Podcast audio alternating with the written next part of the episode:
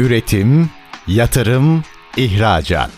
Üreten Türkiye'nin radyosu Endüstri Radyo sizin bulunduğunuz her yerde. Endüstri Radyo'yu arabada, bilgisayarda ve cep telefonunuzdan her yerde dinleyebilirsiniz.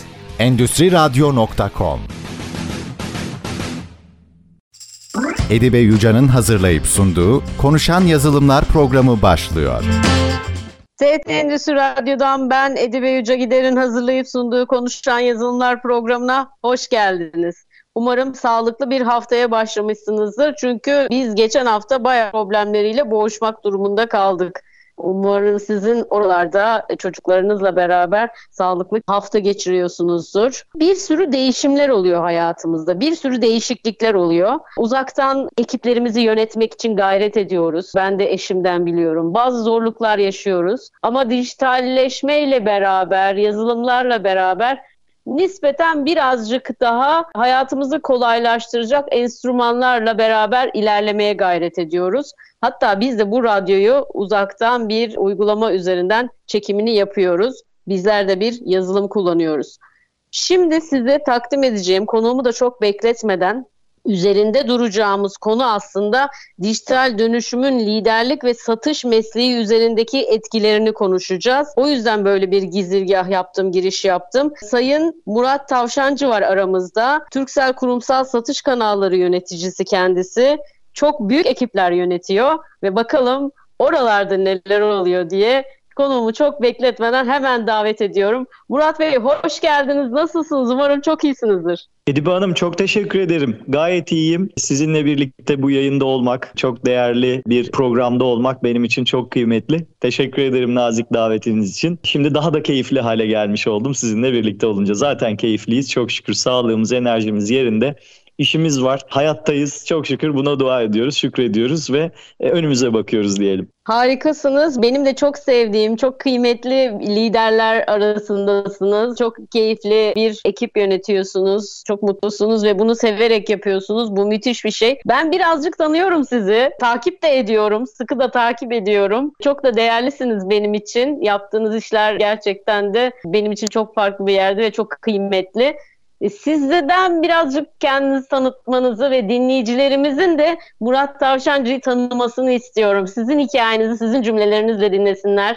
Ne dersiniz? Bu bölümü birazcık bu şekilde girişini yapalım. Şu an neler yapıyorsunuz? Yeni bir hedefiniz, hayaliniz var mı önümüzdeki dönem için? Hayatınızda bir takım değişiklikler oluyor. Aileye yeni bir junior katıldı. Biraz dinleyelim sizi. Edibe Hanım çok teşekkür ederim. Çok naziksiniz. En son söylediğiniz cümleden başlayayım dilerseniz. Hayat her zaman bir değişim aslında ve dönüşüm. Dünya geliş amacımızın da bu olduğunu düşünüyorum. Dolayısıyla bu değişimin ve dönüşümün içerisinde sürekli gelişim gelişmek, sürekli yenilik, sürekli hayata farklılık katmak insanı diri tutan ve aslında e, hayata geliş amacıyla örtüşüp o hayattan da daha fazla tatmin almasını sağlayan bir nokta olduğunu düşünüyorum. Bundan dolayı da sürekli yeni şeyler deneyimlemeyi hem iş hayatımda hem özel hayatımda belki doğduğum günden beri kendine bir yol haritası olarak belirlemiş bir insan olduğumu düşünüyorum. Bu bağlamda e, hayatımdaki bence en büyük yeniliklerden demiyorum en büyük yenilik, en büyük değişim ve en büyük dönüşüm yolculuğu olan bir insan dünyaya getirmek ve o insanın da dünyaya geldikten sonra iyi bir insan, mutlu bir insan, huzurlu bir insan, hayata tutunan ve sonrasında başka nesillere yine bir şeyler bırakabilecek bir insan olabilmesi için onu yetiştirmekle alakalı bir durum bu ve tabii ki e, tahmin ettiğiniz gibi çocuğum e, oldu yakın zamanda bir bebeğimiz oldu 5,5 aylık. Bu benim hayatımın bence en büyük değişimi ve dönüşümü oldu. Daha şimdiden bunu söyleyebiliyorum. İkinci Murat dönemi başladı diyebilirim hatta hayatımda. Bütün aydınlanmaların, bütün değişimlerin, dönüşümlerin başladığı bir nokta oldu. Ee, inanılmaz güzel bir duygu. Allah isteyen herkese istediği anda doğru zamanda nasip etsin diyorum. Ve bu değişimle beraber onun haricinde tabii ki ister istemez çocuk sahibi olmanın getirdiği şeylerle beraber hayatın yaşam döngüsünde de bir takım değişimler oluyor. Bu değişim tabii ki sosyal hayatta iş hayatı dengesini yönetebilmeye çalışmaktan, o yorgunluğun, kusuzluğun yeri geldiğinde o değişimin getirdiği gelecek e, kaygısının, planlamaların etkisiyle beraber yaşanılan olan belki kaygının, stresin, bunun iş hayatına da yansımaması gerekiyor. Bunun da yönetilmesi gerekiyor. Bu gibi yeni duygular ve yeni dönüşümler, yeni planlamalar üzerinde bir beş buçuk ay geçirdim diyebilirim e, yılın sonuna giderken.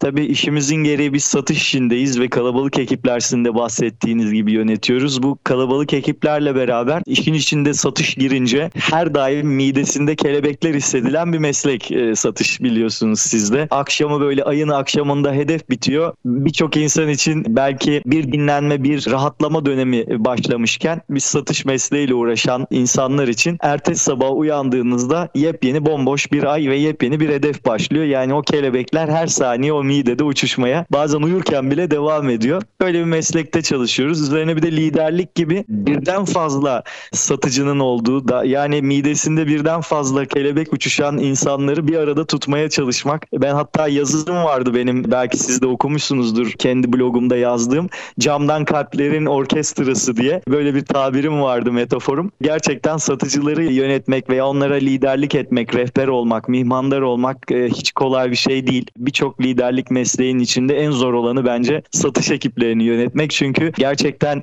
bizim meslekte satıcılar olarak her daim tebrik almayı, her daim ödül kazanmaya müsait bir iş yaptığımız için sürekli satış getirdiğimiz için sürekli motivasyonla tabiri caizse amiyane tabiriyle belki gazla çalıştığımız için o bizim egomuzu da biraz törpülüyor ve bazen de şişiriyor. Tam tersi yani olabiliyor. Dolayısıyla bu iki denklemin arasında insan psikolojisini yönetmek, o arkadaşları aynı potada eritmek, aynı hayali, aynı hedefe koşturmak kolay olmuyor. Bir de bunun üzerine pandeminin, ekonominin ağır koşulları eklendiği takdirde üzerine tabii pandemiden sonraki dijitalleşmenin getirdiği bugünün de asıl konusu olacak zorluklar sizin eşinizin de üzerinde çalıştığı, zorlandığı, hepimizin zorlandığı uzak ve kalabalık ekipleri yönetmeye çalışmak, liderlik etmeye çalışmak çalışmak bu işin denklemdeki e, zorluk derecesini birkaç kat daha arttırıyor diyebilirim işi yönetme anlamında. Ben böyle aslında birden fazla zorluğun ortaya çıktığı, işte buna bir bilgisayar oyunu, bir simülasyon dersek son level'dayım, son seviyedeyim. Dolayısıyla en zor seviyesine gelmiş oluyorum oyunun ve böyle bir dönemden geçiyorum ama yine de çok şükür enerjimiz, sağlığımız, keyfimiz yerinde. Hayat enerjimizi, inancımızı, umudumuzu hiç yitirmiyoruz. Bu belki de bizi ayakta tutuyor. Bu kadar yoğun ve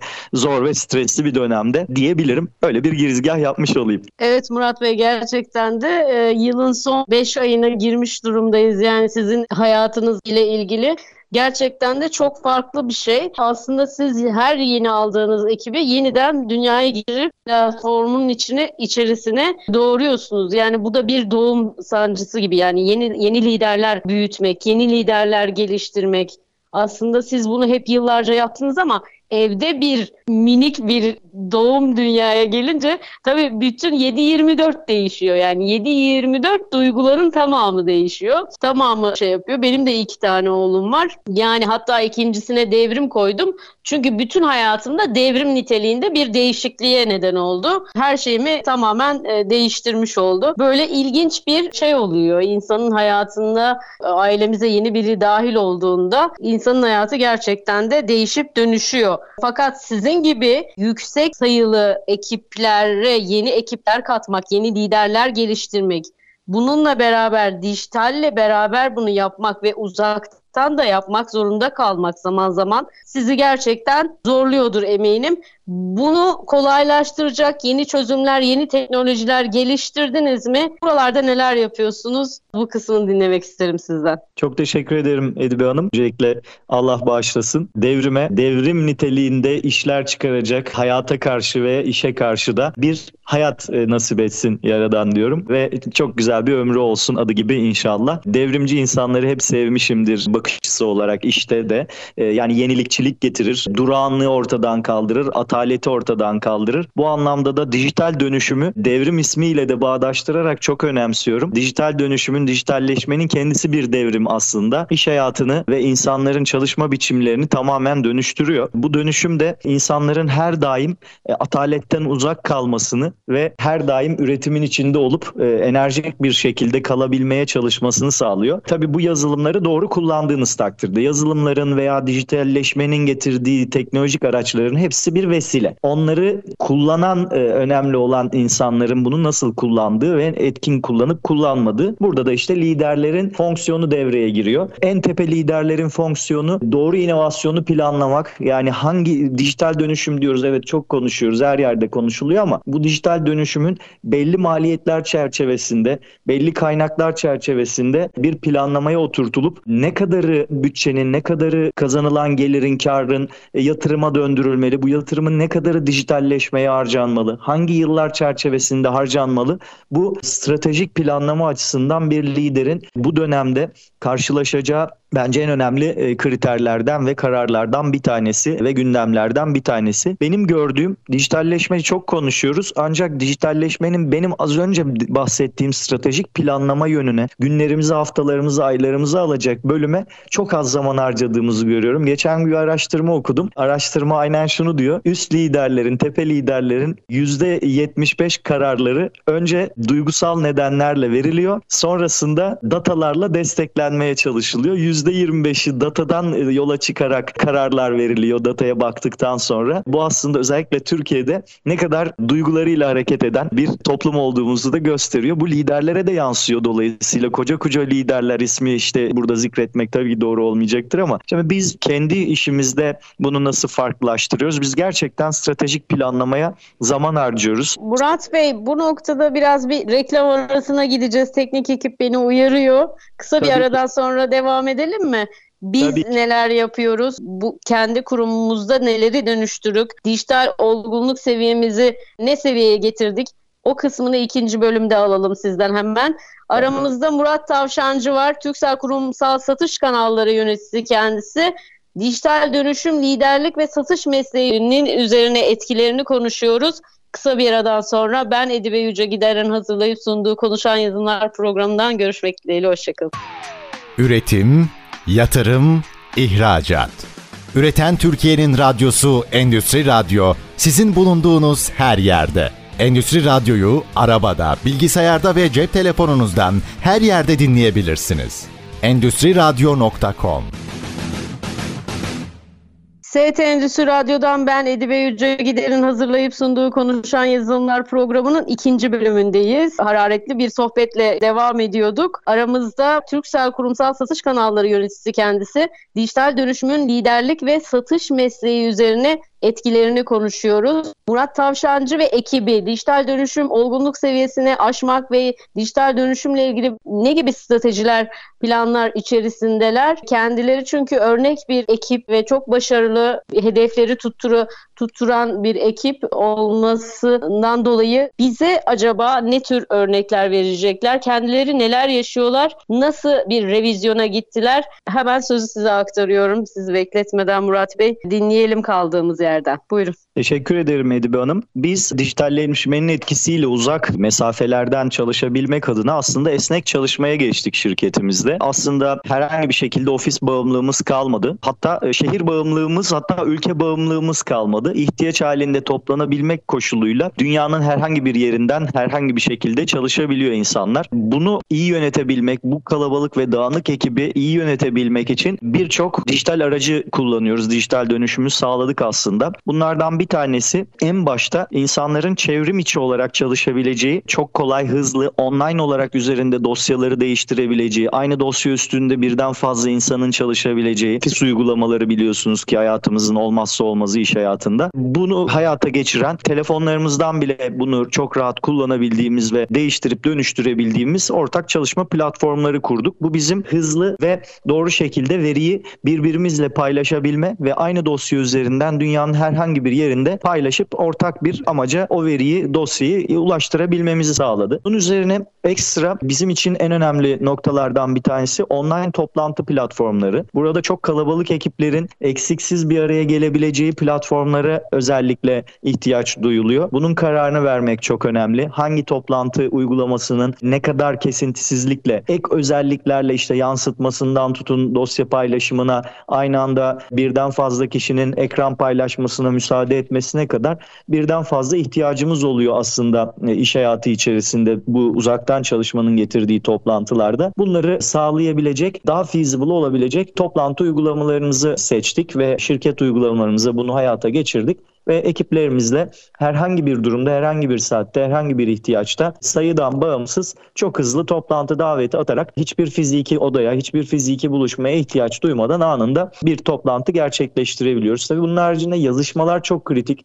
anlık mesajlaşma uygulamalarıyla birbirimizle çeşitli gruplarla bir arada olabilmemiz gerekiyor. O grupta biz tabii sadece yazışmayı düşünmüyoruz. O grup bunun içerisinde de bazen çok hızlı anlık birbiriyle görüntülü toplantı yapabilme ihtiyacı doğabiliyor. Bu özellikle ekiplerin birbirini görerek enerji alması biliyorsunuz işte sizin de söylediğiniz gibi satış ekibi özellikle biz yönetiyoruz. Hep o enerjinin hep motivasyonun hat safhada tutulması gerekiyor. Bunun içinde birbirini görmek, dokunmak, temas gerekiyor. O işte toplantı daveti vesaireye gerek kalmadan oradan bir bastığınızda o minik grup içinde yeri geliyor 10 kişiyle de 12 kişiyle de toplantı yapabiliyorsunuz. O yüzden seçeceğimiz mesajlaşma uygulamalarında daha fazla kalabalık ekiplerle toplantı yapabilmeyi tercih ediyoruz. Bazen yabancı çalışanlarımız oluyor. Yabancı dilde konuşması gereken veya müşterilerimizle, iş ortaklarımızla, partnerlerimizle toplantılar yapabiliyoruz. O zaman yabancı dil devreye giriyor. Herkes ilgili yabancı dili yazışma ortamında bilemeyebiliyor. Biz kullandığımız kendi çevrim içi uygulamamızda mesela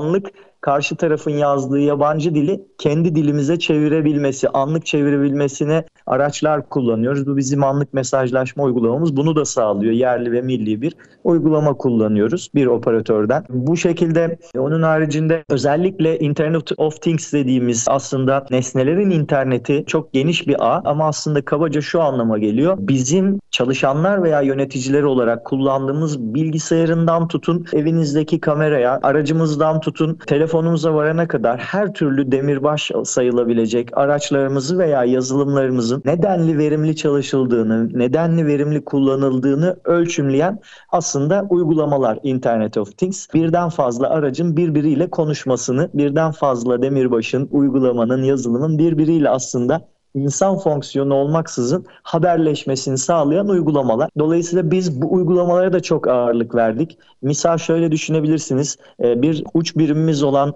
diyelim ki baz istasyonumuzun olduğu bir bölgede herhangi bir insandan bağımsız enerjinin verimli yönetilmesi gerekiyor veya bir ofisimizde enerjinin verimli yönetilmesi gerekiyor. Diyelim ki elektrikleri unutarak ofisi terk ediyor bir arkadaşımız. Bu sabaha kadar yani elektrik faturalarının, enerji maliyetlerinin tüm dünyada bu kadar arttığı bir dönemde inanılmaz önemli hale geliyor diyelim ki tasarruf. E biz kullandığımız enerji çözümleriyle, dijital enerji uygulamaları çözümleriyle aslında insan fonksiyonundan yine kurtarıyoruz biz bu tasarruf konusunu. Orada yazılım devreye giriyor. Uzaktan alarm üretiyor e, ve dijital ekrandan, tabletinden, bilgisayarından ilgili idari işler yöneticisi veya e, liderler o ofisinde veya o üç birimde enerji verimli kullanılıyor mu? Yüzde kaç verimlilikle kullanılıyor? Herhangi bir şekilde bir arıza var mı? Bu arızadan kaynaklı fazladan bir yakıt tüketimi var mı, enerji tüketimi var mı? Bunu da ölçümleyebiliyoruz. Bu sayede %30'ların üzerinde bir enerji tasarrufu sağlayabiliyoruz. Sırf enerji çözümlerimizi dijitalleştirerek ve Internet of Things'in gücünden faydalanarak bu şirket araçları için de geçerli. Bizim gibi sahada çalışan satış ekiplerinin yönetiminde araçların ne kadar kaliteli ve verimli sürüş yaptığından tutun, güvenli bir sürüş çalışan yapıyor muya kadar hepsini ölçümleyebiliyor ve bunların hepsini yazılım yapıyor ve yine telefondan basit bir uygulamayla hepsini anlık olarak bir üst amir veya ilgili amirler takip edebiliyor. Biz buna filo yönetim çözümleri diyoruz. Bunlar da yine özellikle satış ekibi olan ekiplerin bence kullanması gereken basit bir araç takipten bahsetmiyorum. Araç takibin üzerine filo yönetim çözümleri yani ek yazılımlar koyarak aslında araçların ve çalışanların hem verimliliğini hem güvenliğini sağlamış oluyoruz. Çünkü hepsi bizim sermayemiz, hepsi bizim değerimiz, kaynağımız. E, öz kaynaklarımızı çok verimli kullanmamız gerekiyor yeni dönemde. Bunun haricinde ERP uygulamalarıyla özellikle insan kaynakları uygulamalarıyla işte toplantı davetlerini, toplantı rezervasyonlarını, işte bordroların imzalanmasını, izin kullanılmasını bunların hepsini masraf girilmesi bunlar hepsi fiziki ofise bağımlılık gerektiren işler biliyorsunuz eski dünyada ama biz bunları bir ERP ve bir insan kaynakları uygulamasıyla tek bir uygulama altından yönetir hale geldiğimiz için çalışanların bu konular için de ofise gelme zorunluluğunu ortadan kaldırdık. Böylece aslında hem saha yönetimini hem arka tarafta insan kaynakları yönetimini hem Internet of Things'le demirbaşların ve idari anlamda işlerin kaynakların yönetimini ve uzaktan kontrolünü dijitalleşerek tek elden e, yönetir hale geldik. Enerjiyi dedik aynı şekilde uzaktan yönetiyoruz. Ekipleri uzaktan yönetiyoruz. Bunun üzerine bir de iki şey daha ekleyeceğim farklı olarak biz insanları özellikle ekonomik anlamda şirketlerin de aynı şekilde tahsilat riskinin arttığını gözlemliyorum ben. Biz satış ekibiyle de uğraştığımız için bu konunun birebir içindeyiz. Tahsilat riskini şirketlerin ve dolayısıyla bundan sorumlu olan satış ve finans ekiplerinin iyi yönetmesi gerekiyor. Nakit kaynağı çünkü çok kritik hale geldi 2022'de. 2023'te daha da önemli hale gelecek. Bunun için de online tahsilat yazılımları ve online tahsilat çözümleri bence e, şirketler için kritik yatırımlardan biri haline geldi ve geçiyor bile. Bu alanda da bulut tahsilat çözümlerinin çok kritik kullanılması gerektiğini düşünüyorum. Bu satış ekiplerinin de elini kolaylaştırıyor. Öte yandan arka tarafta finans ekiplerinin. Son olarak bir de satış ekiplerinin veya ekiplerin sadece satış ekibi değil uzaktan çalışan ekiplerin dijitalleşmeyle canlı tutulması, diri tutulması ve birlik olması, takım olmaya devam etmesi çok kritik. Çünkü mayamız gereği biz dokunmayı seven, birlikte olmayı seven insanlarız. Uzakta olduğumuz sürece bu enerji, bu bağ gidebiliyor. Gözden ırak, gönülden de ırak olur sözü aslında tam vücut buluyor. Bu diriliği sağlamak için de aslında biz online yarışmaları çok fazla kullanıyoruz. Mesela farklı uygulamalar üzerinden insanların anlık olarak olarak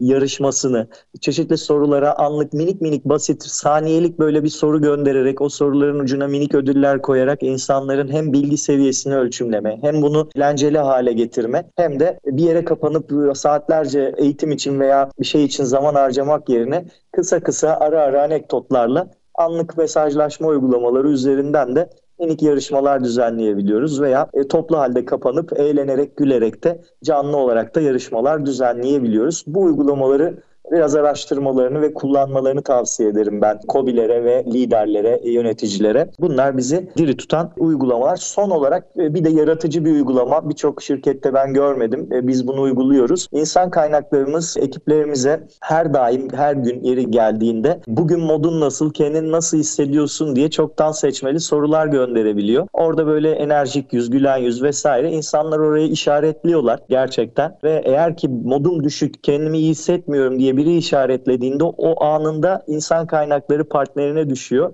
ve mutlaka bir yetenek yönetiminden bir yetkili uzman bir insan veya yöneticisi o çalışanı anında arayarak nasılsın, e, sana için yapabileceği bir şey var mı diyerek aslında insanların yine dinç ve diri tutulmasını ve birlik olmaya devam etmesini, yanında olduğunu şirketin ve yöneticilerin ona hissettirmesini sağlıyor ve çok beğeniliyor bu uygulama. Bu da böyle yaratıcı bir uygulama. Bizim işimizi yönetirken kullandığımız tabii ki çok daha fazla detayda şey var ama kabaca benim özellikle vurgulamak istediklerim bunlar. Bir lider ve bir yönetici için ve bir şirket için bir kobi yeni dönemde birçok yöneticiye bunu uygulamasını ve buna yatırım yapmasını, buna kafa yormasını dijital dönüşümde tavsiye ederim Edibe Hanım.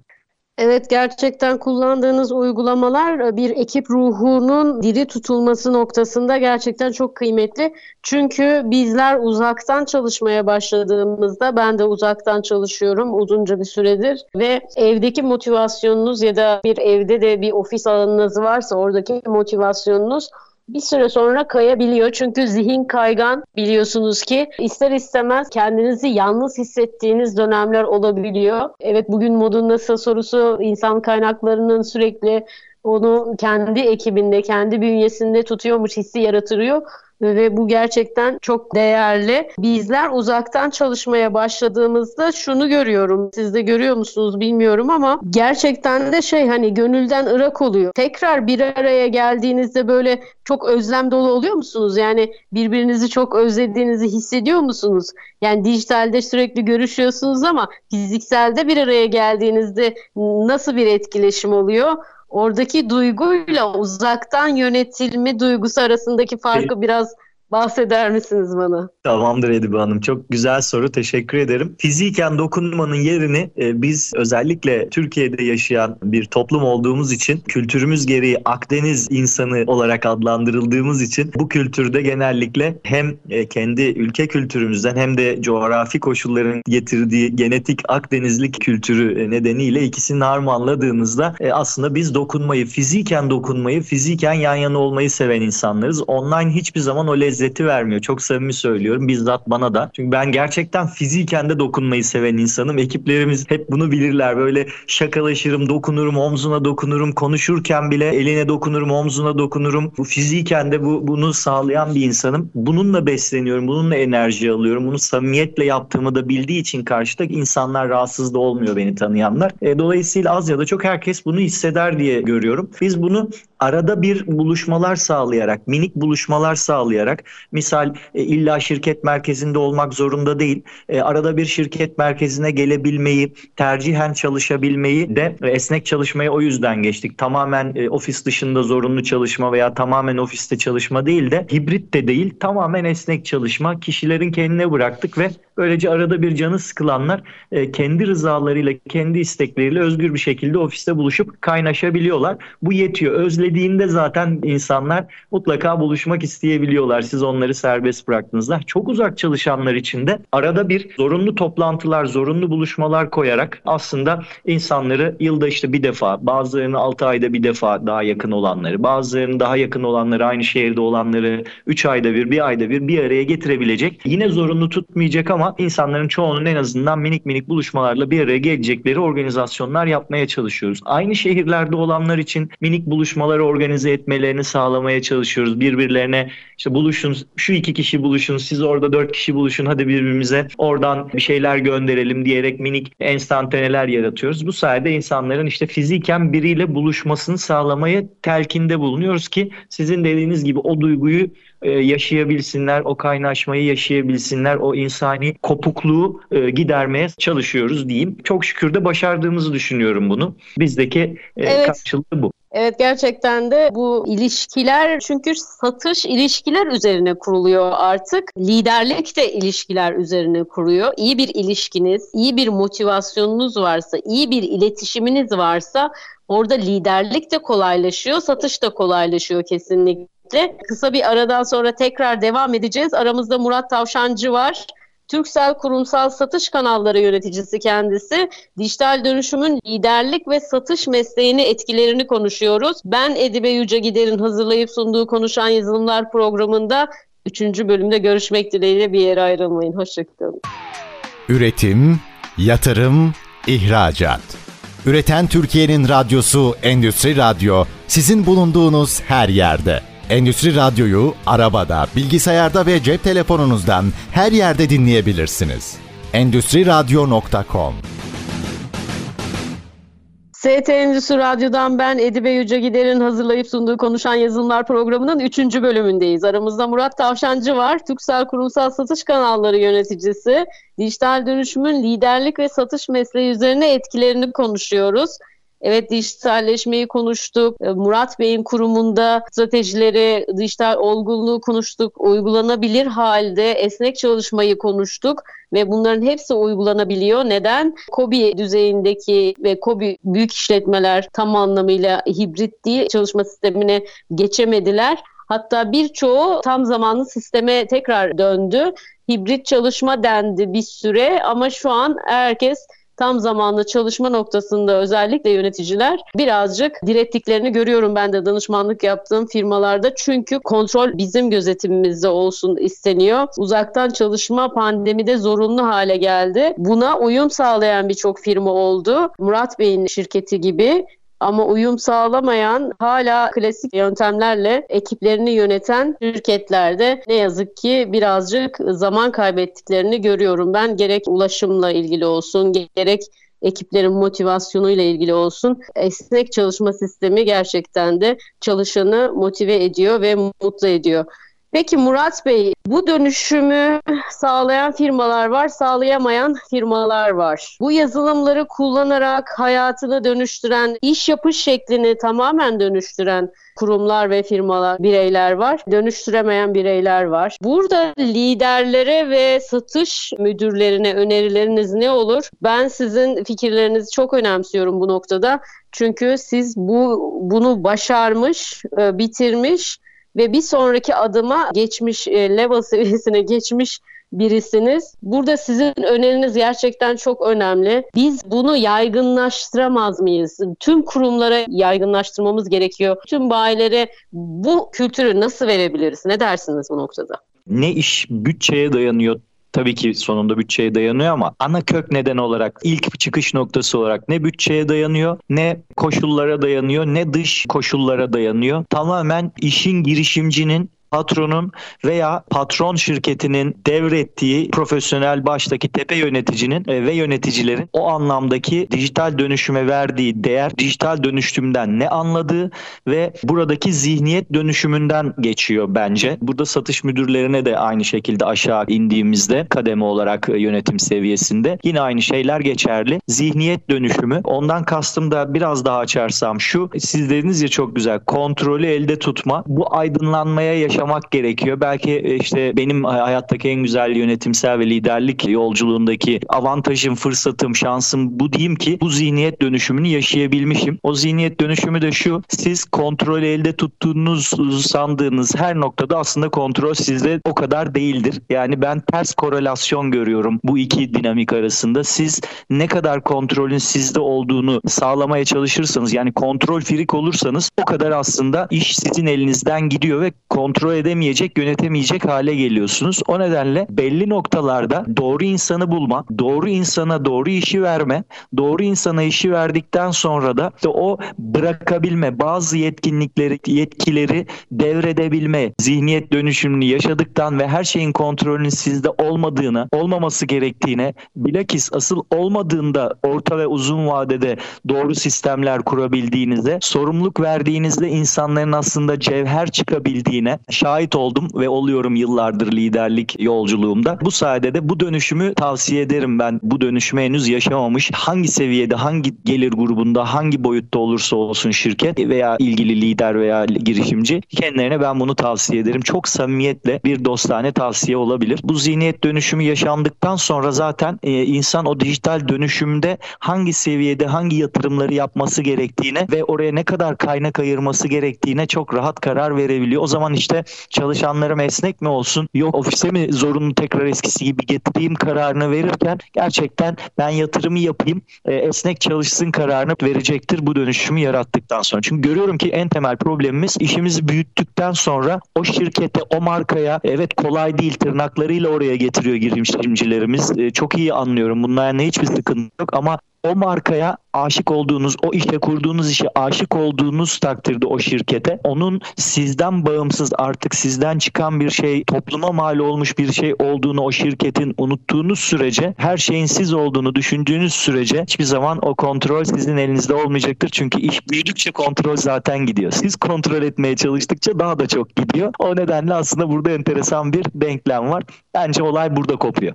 Türkiye'deki şu an en büyük problemin ben bu olduğunu düşünüyorum. Dijitalleşmede ve dönüşümde. Evet Murat Bey teşekkürler değerlendirmeleriniz için. Gerçekten de hani çocuklar böyle küçük balonları oluyor. Bunları sıkıyorlar. Biz sıktıkça böyle kayıp gidiyor elimizin altından değil mi? O dolu olan kısmı.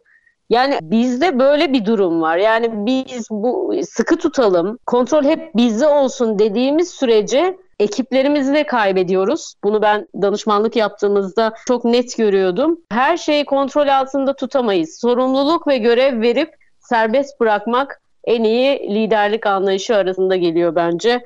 Böyle yapmakta fayda var her zaman ve sistemler kurmak, sistemleri kurarken de birlikte hareket etmek, doğru yazılımlarla işe başlamak gerçekten çok kıymetli. O yüzden sizin ihtiyacınız olan doğru yazılımı bulabilmeniz de biraz zor görünüyor. Sizin acaba bu yazılımları kullandığınız yazılımları alt bayilere e, ya da küçük işletmelere servis etmek gibi bir planınız var mı kurum olarak? Ne dersiniz? Bu yönde bir çalışmanız olacak mı? Hanım biz kendi çalıştığımız kurumda kendi iş ortaklarımıza e, ki e, hani çok uzun süredir bayi kavramını da kullanmamaya özen gösteriyoruz. İş ortağı diyoruz biz kendilerine. Biz iş ortaklarımıza genelde kendi şirket olarak ana şirket olarak kullandığımız uygulamaların birçoğunu açıyoruz ve biz deneyip test ettikten faydasını gördükten sonra onları kullandırıyoruz kendi uygulamalarımız içerisinde. Dolayısıyla aslında ana şirketteki merkez satış personelimiz ve ekip yol arkadaşlarımız arkadaşlarımız kullandığı birçok uygulamayı aslında kendi iş ortaklarımızın yani bayilerimizin içindeki kıymetli elçilerimiz diyoruz onlara. Elçilerimiz, yol arkadaşlarımız ve yine satış ekiplerimiz de kullanıyorlar. Bunun haricinde tabii birebir bizim tarafımızdan açılamıyor. Bazıları da ücretli olarak ama daha uygun fiyatla yine iş ortaklarımıza ve ekiplerine kullandırılabiliyor. Bu sayede de yine bazı uygulamaları zorunlu tutarak işimizin içine entegre ederek bazılarını da onları teşvik ederek ve daha uygun fiyatla yatırım yatırım yapmasını sağlayarak yine birçok uygulamamızın da iş ortaklarımızla kullanılmasını sağlıyoruz ve vizyonumuz da hep bu yönde. Sonrasında kendi iş ortaklarımızda verimli gördüğümüz birçok şeyi biz dışa açıyoruz. Son dönemde kendi şirketimizde gördüğüm en güzel stratejilerden bir tanesi. Geçmişte hep kendimize kalıyordu. Müthiş uygulamalar geliştiriyorduk ama sadece biz biliyorduk bunu. Dış dünyada kimse kullanmıyordu. Yeni dönemin stratejisi bunu ticarileştirmek ve dışarıya açmak üzerine ve ticarileşerek de gerçekten dışarı açılıyor. Mesela ismi şu an burada kullanmayayım.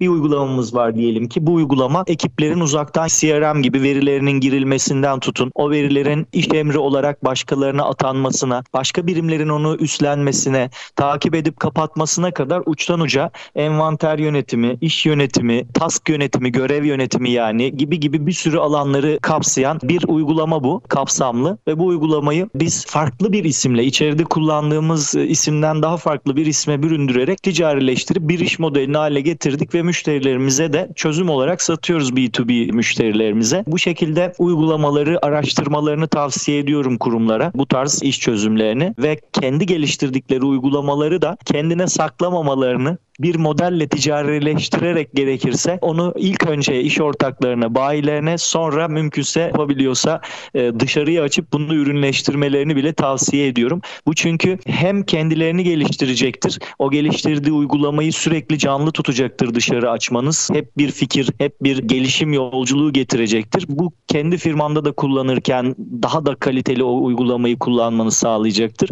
İki, dışarı açtığınız her şey size ticari bir gelir de getirecek gelecektir. Hepsini geçtim ticari gelir getirmese bile topluma, etrafa kattığınız, paydaşlarınıza kattığınız her fayda e, emin olun size geri dönüyor. Bunu da ben hep gördüm. Bu şekilde tavsiye ederim. Biz bu, bu şekilde uyguluyoruz. Teşekkürler Murat Bey. Bu da güzel bir gelişme gerçekten de. Teknoloji geliştikçe teknolojideki uygulamalar da nispeten artıyor ve çok fazla yeni yazılım geliştiriliyor, yeni çözümler bulunuyor. Biz de bir yazılım platformu kurduk ve o yazılım platformu içerisinde insanların gerçekten ihtiyacı olan yazılımı talep etmesini ya da tercih etmesini sağlıyoruz. Bu konuda danışmanlık yapmaya başladık. Bu da müthiş bir şey. Gerçekten yazılımların gelişmesi insanların hayatını kolaylaştırıyor.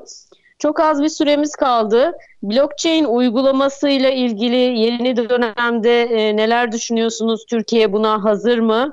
E, ülke olarak buna hazır mıyız? Görebiliyor musunuz bunu? Siz e, sahadasınız sürekli, gözlemliyorsunuz. Ve bu artık paranın tamamen ortadan kalkması ve her şeyin dijitalde ilerlemesi, tahsilatları da artık pro- problem olarak ortadan kaldıracak diye düşünüyorum ben.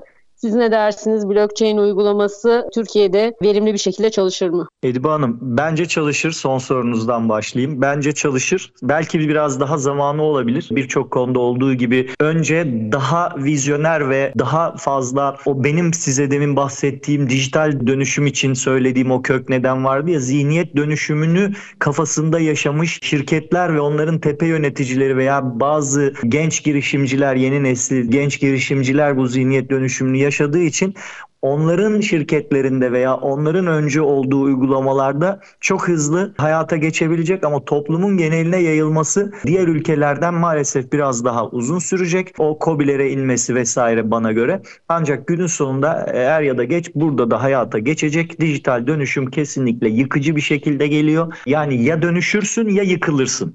Ben dönüşmeyi tercih eden bir yöneticiyim her zaman yıkılmamak adına. Direnmek yerine tornadoya, tornadonun karşısında ayakta duramayacağın için kendini bir yere sabitleyecek bir şey bulmayı, dönüşmeyi, işte misal yere tutunabilecek yer çekimiyle seni ortadan kaldırıp gravitiyi sağlayıp orada sabitleyecek bir ayakkabı geliştirip o ayakkabıyla tornadoya karşı yürümeyi tercih ederim. Yani dönüşmüş olurum günün sonunda ama inatlaşıp ben ya tornado e, sen mi büyüksün ben mi büyüksün dememek gerekiyor. O yüzden biraz gecikecek ama bazı şeyler er ya da geç burada da olacak. Çünkü o tornado tabiri caizse dijital dönüşüm ve blockchain teknolojileri de yıkıcı şekilde iş hayatını şekillendiriyor, şekillendirecek. İlk sorunuza gelecek olursam biz şirketimizde bunu gerçekten önemsiyoruz ve kullanıyoruz çok uzun süredir yapay zeka bizde müdürlük seviyesinde hatta direktörlük seviyesinde takip edilen bir birim. Yani IT'nin altında yazılımcının da e, arada bir bunu da yaptığı bir iş olarak değil. Sadece işi yapay zeka yazılımcılığı olan e, veya yapay zeka olan müdürler, çalışanlar, mühendisler, direktörler mevcut. Keza blockchain'de böyle bir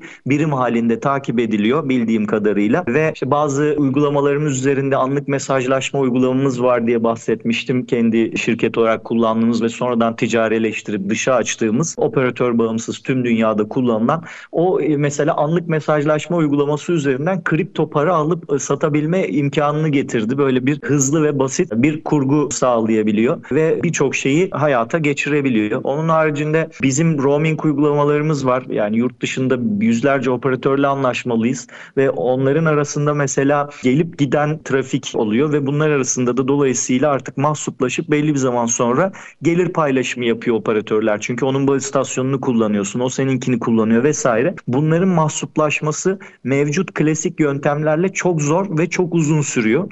Blockchain mesela bunu ortadan kaldırıyor. Biz bunun üzerine çalışıyoruz. Kendi e, farklı ülkelerde de yatırımlarımız var. Oralarda da mesela e, bu iletişimleri e, blockchain üzerinden şu an sağlıyoruz. Sonra bunu tüm dünyada yayabiliriz, kullanabiliriz. Neden olmasın gibi gibi bir sürü operatör de bunu kullanıyor bildiğim kadarıyla. Harika. Bu şekilde blockchain'in aslında aslında sadece kripto para olmadığını anlatmaya çalışmak istedim. Dilimin döndüğünce işi blockchain olmayan bir satıcı ve bir yönetici olarak. Harikasınız gerçekten de çok teşekkürler. Ve programın sonuna geldik. Ee, Murat Bey çok teşekkür ediyorum. Çok keyifli bir program oldu bizim için. Bir veda ben... cümlenizle programı kapatacağım izin verirseniz. Tazik davetiniz için öncelikle çok teşekkür ederim Edibe Hanım. Gerçekten çok keyifli bir sohbet oldu benim için. Sizinle zaman geçirmek uzun zaman olmuş bir yayında veya bir toplantıda bir araya gelmeyeli. Onun farkına varmış oldum. Ama tekrar o enerji, heyecanı almak, sohbetimizi yapmak çok güzel oldu. Bana da iyi geldi. Umarım ufacık ışık da yakabildiysek dinleyicilere çok mutlu olurum. Teşekkür ederim. Herkese sağlıklı, güzel bir yıl kapanışı ve çok daha umutlu, çok daha güzel, çok daha keyifli ve bol dijital dönüşümlü bir 2023